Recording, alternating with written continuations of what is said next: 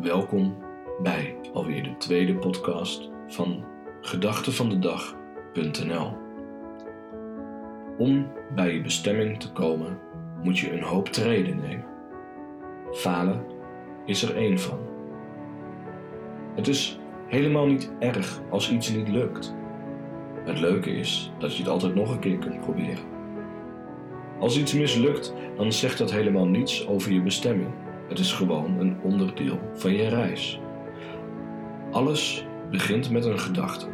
En om faalangst te overwinnen, moet je je gedachten over falen veranderen. Wat nou als ik je zeg dat falen alleen maar falen is als je er niks van leert?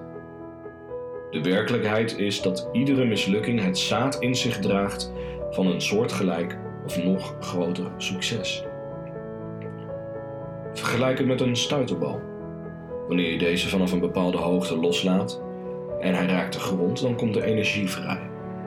En hoewel de stuiterbal op dat moment op zijn laagste punt is, bevat het de energie die nodig is om terug op dat hoogste punt te komen. En wanneer de stuiterbal met extra omlaag gerichte kracht wordt losgelaten, dan bevat de stuiterbal op dat laagste punt de energie om nog hoger uit te komen dan waar hij begonnen is.